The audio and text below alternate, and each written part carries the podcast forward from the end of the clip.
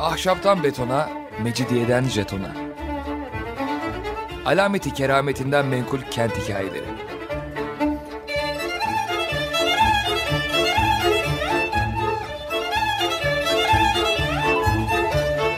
Hazırlayan ve sunan Pınar Erkan.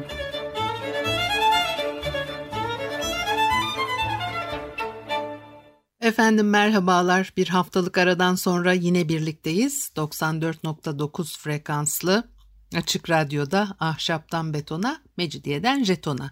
Tam şu anda başlamış bulunmakta. Anlatıcınız ben Pınar Erkan. Elektronik posta adresim pinarerkan.yahoo.co.uk Bugün biraz size eski zamanların e, İstanbul'daki tabii yaşantısından söz etmek istiyorum. Biraz e, 20. yüzyılın hani başları gibi e, düşünebiliriz. Eski deniz hamamlarından e, söz edeceğim. Hani nasıl kullanılıyormuş, ne, neye benziyorlarmış. Daha önceki programlarımızda da zaman zaman e, sözünü ettik. Hikmet Feridun Es 1960'lı e, yıllarda yazdığı yazılarda e, bunları çok güzel anlatıyor. Tabii e, deniz hamamı dediğimiz şey bugünkü işte plajlar. Ama o zamanlarda tabii Osmanlı devrinde öyle pek denize girme alışkanlığı yok. Fakat e, Cumhuriyet dönemine artık geldiğimiz zaman bakıyoruz yaygınlaşıyor deniz hamamları ve İstanbul'un hemen hemen her yerinde plaj e, bulmak mümkün denize girmek için. Tabii haremlik selamlık olarak yine e, e, ayrılıyor e, böyle her tarafı tahtalarla kaplı bir konak yavrusu büyüklüğünde e, muazzam bir portakal sandığını hatırlatan eski salaş deniz hamamları ve bunlara tahta köprülerden geçilerek e, gidiliyor. Bir de Salıpazarı hamamı var böyle Kabataş'ta, e, Harem'de, Üsküdar'da, Boğaz'ın çeşitli yerlerinde bu e, tahta köprülü modadaki e, o meşhur e, plaj da yine deniz hamamı da yine öyleydi ve çok e, aslında geç tarihlere kadar 1980'lere kadar mı diyor 80'leri buldu mu acaba o hamam orada öyle e, varlığını sürdürdü. Erkeklerin girdiği kısımla kadınların girdiği kısım birbirinden ayrı fakat yan yana olduğu için e, bu hamamlar giriş sokakları da genellikle aynı oluyor. Kadınlar e, hamamın harem kısmına yani hanımlara ayrılmış olan köprüye saptıkları zaman erkekler de biraz böyle arkalarından bakarlarmış. Çünkü e, deniz hamamlarının kadın müşterisi e, o sıcak sulu mahalle hamamlarının müşterilerine pek benzemezmiş. Sıcak sulu hamamlara ihtiyarlar da baba yaniler de gidiyorlar. Halbuki o zamanlar denize girmek ihtiyacını duyanlar daha ziyade gençler, asri zevkli kimseler. Çünkü yeni bir alışkanlık bu. Hatta bazı mutasip evlerde başımıza taş yağacak vallahi sen tut hava sıcak diye el alemin içinde cumburlop kaldır kendini denize at. Zamanede utanma sıkılma da kalmamış. Kızgınlıkları başlarına vurmuş doğrusu. Hava o kadar sıcaksa gir gusülhaneye başından aşağı iki kova buz gibi suyu dökün ferahla. Ne var herkes namahrem yerlerini gösterecek diye. Böyle söyleniyorlarmış evlerde. Kadınlar Tiril tiril ipekli yazlık çarşaflar içinde ellerinde güneş şemsiyeleriyle hamamın tahta köprüsünde ilerliyorlar ve bölümlere geliyorlar. Çünkü ayrılmış bölümleri var. Salaş deniz hamamlarının içleri e, enteresan. Tahta köprünün üzerindeki bir kulübeden biletinizi alıyorsunuz. Öyle giriyorsunuz içeri. Karşınıza suyun derinliklerine kadar uzanan 4-5 basamak tahta yosunlu ve çok e, kaygan merdivenler çıkıyor. E, hamamın dört tarafında ancak birer kişinin ayakta durabileceği kadar geniş bölmeler var. Bunlardan birine girip soyunabiliyorsunuz. İlk zamanlar erkekler iç çamaşırıyla hatta peştemalle denize giriyorlarmış. Mayo sonra sonra artık tahta deniz hamamları yıkılıp da e, ortadan kalkmak üzereyken meydana çıkmış kadınların denize girmek konusunda e, kendilerine has yöntemleri var. Etekleri sudan havaya kalkmasın diye gömleklerinin e, bacakları arasına gelen kısmını çengelli iğneyle tutturuyorlarmış ve böylece gömleğin alt kısmını işte pantolonlaştırarak kendilerine acayip bir nevi e, mayo yapmış olurlardı diyor e, Hikmet Feridun Es. E, bununla suya girdikleri zaman çok defa etekleri balon gibi şişiyor. Deniz hamamının içinde karşıdan karşıya gerilmiş halatlar bulunurmuş ve yüzme bilmeyenler bu halatlara tutunup çok önemli bir iş yapıyorlarmış edasıyla ayaklarını çark gibi pat pat denize vuruyorlar suları etrafa savuruyorlar. Denizden çıkan e, kadın yüzücülerin o ipekli gömlekleri tabii e, üstlerine yapışıyor. E, bir bakıma eski deniz hamamları İstanbullular için e, bugünkü plajlardan daha pratik sayılabilirdi. E, bir denize girmek isteseniz bugün tabii İstanbul'da denize girilen yerler var tabii. E, yeni açılan plajlar var. E, fakat hani e, 60'lı yıllarda filan 70'li yıllarda da işte ne diyor mesela Florya'ya kadar uzanmak külfeti vardır. Yani Fenerbahçe'den Kalamış'tan ve hatta e, denize 80'li yıllara kadar giriliyor. Boğaz'da da tabii denize e, giriliyordu. Çünkü Boğaz'da e, yüzme yarışı yaparlardı. Benim bile çocukluğumda böyle anılarım var. Teknelerle sahilin bir tarafından öbür tarafa hani kolay iş değildir ya o sahilin bir tarafından öbür tarafa yüzmek. Her baba yiğidin harcı değil filan. Dolayısıyla ama e, yani her yerde denize girmek çok mümkün olmamaya başlamıştı 60'lı 70'li yıllardan sonra. Halbuki daha geçmiş zamanlara gittiğimizde şehrin her tarafında akla hayale gelmeyecek yerlerde deniz hamamları varmış. Hatta Galata Köprüsü'nde e, vapur beklerken sıcak bastı da biraz serinlemek şöyle bir denize girmek mi istediniz? O zaman köprünün üzerinde Yemiş İskelesi tarafında bu hamamlardan birine rastlayabiliyorsunuz. Soyunup dökünüp vapur zamanı gelinceye kadar rahat rahat deniz banyonuzu yapabiliyorsunuz. Yalnız Galata Köprüsü'ndeki deniz hamamı sık sık İstanbul halkının yüreğine ağzına getirirmiş. Gazetelerin birinci sayfalarına havadis olarak geçermiş. Çünkü bu hamam direklerle çakılı cinsten değil, sabit değil olduğu yere yüzer bir salaş hamam şiddetli bir lodos estiği zaman o hamam bütün bağlarını koparıp yallah Haliç içlerine doğru hem de bazen içindekilerle birlikte yüzüp gidermiş. E bunun üzerine ertesi günkü gazetelerde heyecanlı başlıklar çıkıyor. Deniz hamamı yine bağlarını koparıp kaçtı filan diye. O eski deniz hamamlarının etrafında fırıl fırıl dolaşan bir sandallı polis e, bir nevi gezici ahlak zabıtası vazifesini görüyor. Hanımlara ve beylere özel hamamlar birbirine çok yakın olduğu için bazen erkekler tarafından çıkan bir e, cüretkar röntgenci polis sandalını heyecanlı bir takibe mecbur bırakırmış. Zira erkek hamamının dışarıya yani açık denize e, açılan salaş kapakları varmış. Bunları kaldırıp dışarıya çıkmak ve birkaç kulaçta kadınların hamamına yaklaşmak tabii kolay. Sonra kayıklarla da gelip e, kadınlar hamamının e, yakınlarına e, sokulmak mümkünmüş. Bu gibi durumlarda Diyor ki maazallah uzaktan dahi olsa hanımları o diz kapaklarından aşağı kadar inen uzun mayoları veya gece gömlekleri içinde namahrem gözler görebilirdi. Tövbe işte o zaman felaketti. Bunun için e, haremli, e, e selamlıklı iki tahta hamam arasında sandallı polis mekik dokuyor. İki taraf kadınlı erkekli Temmuz sıcağında serin deniz suyunun içinde ferahlarken o zavallı polis elinde yakalayacağı röntgen mütehassıslarına karşı kullanacağı kırbacı bir nevi şemsi siper olsun diye kalpağının altına ve başının üzerine yaydığı mendiliyle alı al, mor mor, gözler tetikte dolaşıp duruyor. Ve semtin namusunu koruduğu için son derecede mühim ve ciddi bir iş yapan hali dikkat çekiyor. Tabii bu çok acıklı bir durum aslında. İşte ne o kadınlar hamamının etrafında en küçük ve şüpheli bir su çırpıntısı oldu mu sahilde kaçakçı kovalayan gümrük motoru gibi hemen sandalın burnu o tarafa çevrilir küreklere bütün kuvvetle asılınırdı. Şimdi bunlar tabii böyle sanki hiçbir mahsuru yokmuş doğal şeylermiş gibi anlatılıyor.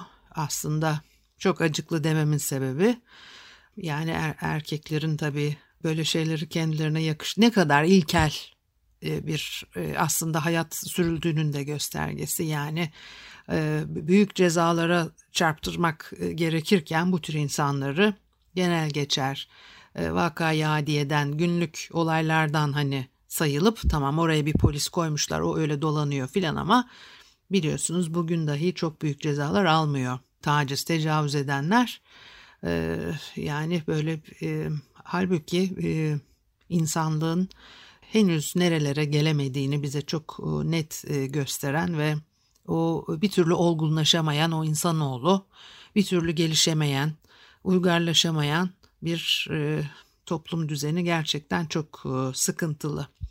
Bir müzik arası verelim ondan sonra devam edelim. Efendim Açık Radyo'da Ahşaptan Betona, Mecidiyeden Jeton'a devam ediyor. Haliyle Pınar Erkan'ı dinlemektesiniz.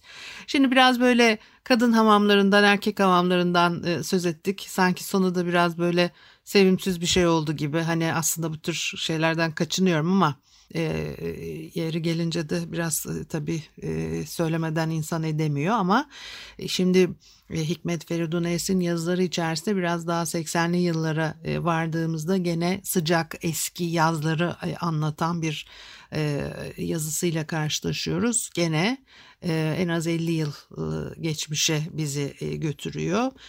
Yani demiş ki gazetelere bakılırsa dünyanın bu arada Türkiye'nin de iklimi değişmiş. Bazı kimseler yaz sıcağını yağmur bulutlarını nükleer yollarla kendi ülkelerine çekiyorlarmış.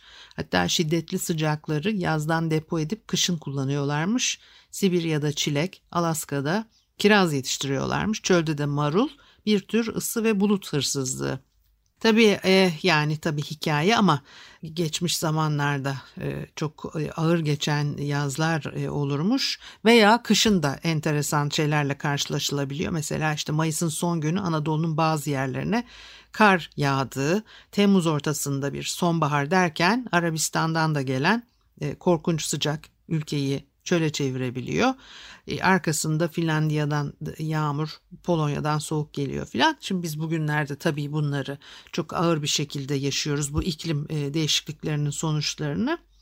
Ama e, eskiden de böyle enteresan yazlar yaşandığı olurmuş. Bir kere çok korkunç derece sıcak yazlar anlatılıyor. Bazı yazlarda kırmızı kirazın üstüne beyaz kar yağdığını söyleyenler de var.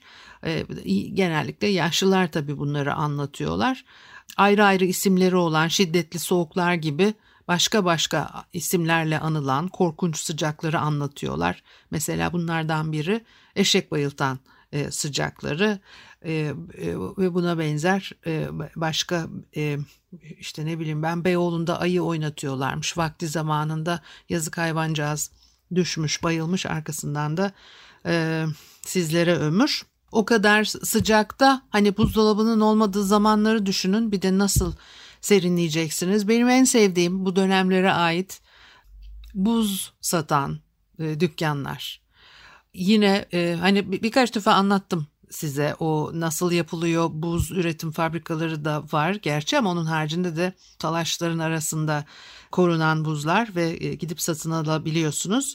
Böyle günlerde evde özellikle ihtiyarlar e, çocuklara rica ediyorlar.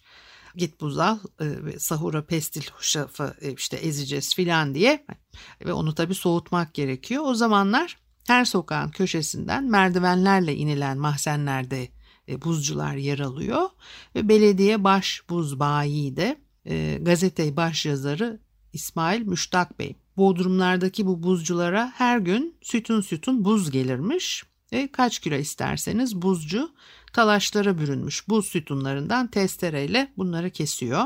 Etrafa da tabii ki buz parçaları saçılıyor. Çocuklar bu buz parçalarını ağızlarına atıyorlar. O küçükler arasında yaz günleri buz yemek bir marifet sayılırmış.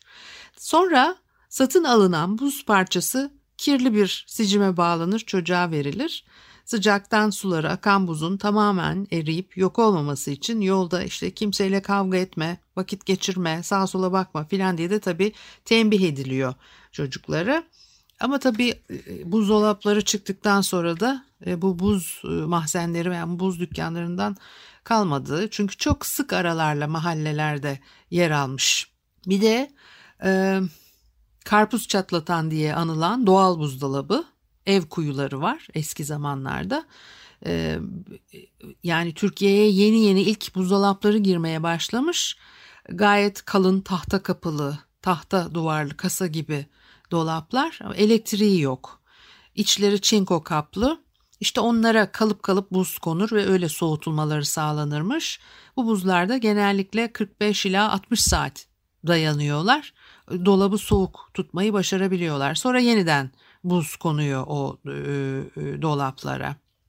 O gün köşe başındaki buzcu açmamışsa diyelim ki o zaman evdeki işte doğal buzdolabına müracaat ediyorlar. Yemekler cacıktan imam bayıldıya kadar kuyuya sarkıtılıyor. Bu kuyulardan bazıları çok güzel soğuturmuş. E, o karpuz çatlatan denilenler. Yani tabii buzdolabı yok ama her şeyin bir yolu yöntemi var. E, Göksu testicilerinin özel bir çamurdan özel olarak yaptıkları testiler suyu nefis bir serinlikte tutarmış. Hele bu terleyen testiyi ıslak tülbende sarıp tahta boşta rüzgara karşı koydunuz mu muhteşem bir e, soğukluk elde ediyorsunuz. Eski Galata meyhanecilerinin aynı çamurdan teri dışarı vuran şarap testileri yaptırdıkları e, anlatılıyor. E, bu çamurdan yapılmış tabii özel bir çamurdan yapılmış vazolarda ama çiçek yaşamazdı e, deniyor. Çünkü işte soğuk olduğu için. Bir de e, hikaye anlatılır. Şeyhülislam Dürrizade Abdullah Molla'nın Hoşaf kasesi hikayesi. Padişahı şaşırtmış bununla. İkinci Mahmut zamanının en zengin ve kibar adamı diye tanınan Şeyhülislam Efendi'nin Doğancılar semtindeki konağına bir e, masal hayatı yaşadığını işitmiş. Bir Ramazan akşamı Üsküdar'a geçiyor. Mihrimah Camii'nde ikindi yıkılıyor. Bütün vekela ve üzeraya haber salıyor. Deniz kenarındaki karakolda buluşup habersizce Dürrizade'nin konağına gidiyorlar. Topun atılmasını bekliyorlar. Birkaç dakika kalmış zaten. E, Dürrizade buyur ediyor onları elbette. Birbirinden nefis taamlar karşısında padişah ve mahiyeti tabii memnun kalmış. Hele yemeklerin getirildiği nadide tabaklar onları adeta şaşırtmış. Nihayet hoşaf e, geliyor. Herkes de hoşafın yağ kesiliyor. Hoşaf kaselerini görünce padişah bir türlü kaselerin hangi bir billurdan e, imal edildiğini anlayamamış.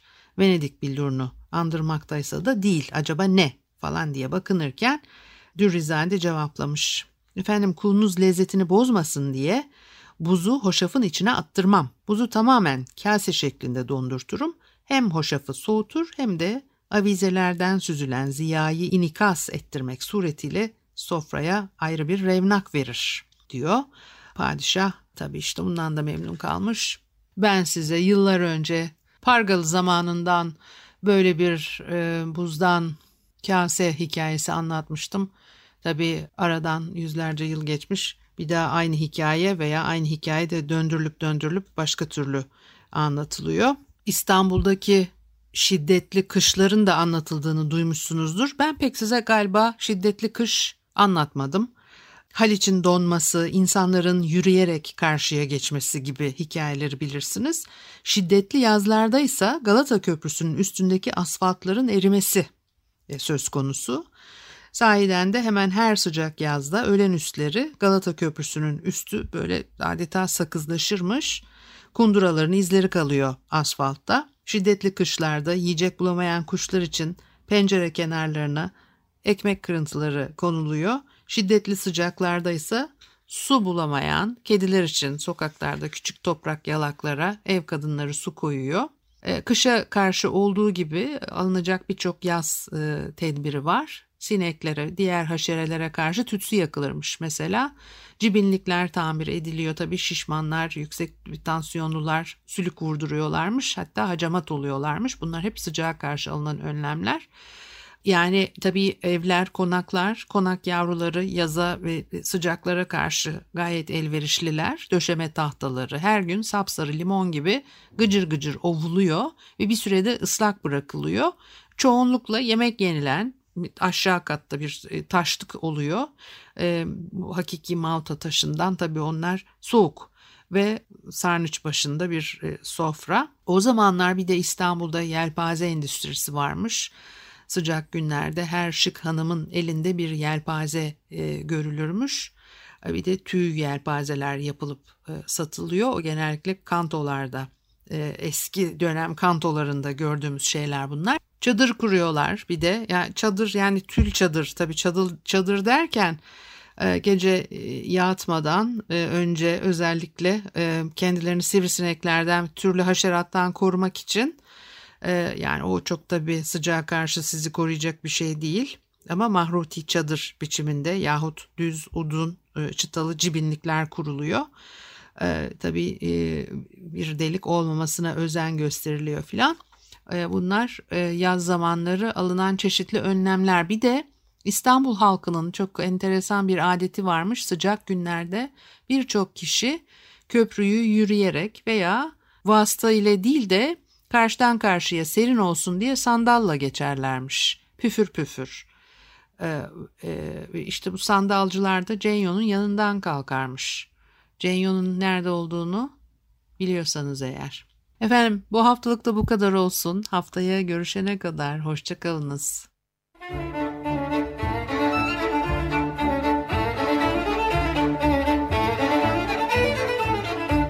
Ahşaptan betona, mecidiyeden jetona. Alameti kerametinden menkul kent hikayeleri.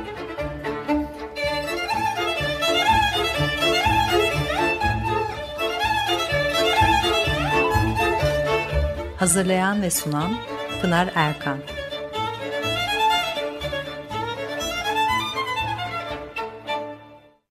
Açık Radyo program destekçisi olun. Bir veya daha fazla programa destek olmak için 212 alan koduyla 343 41 41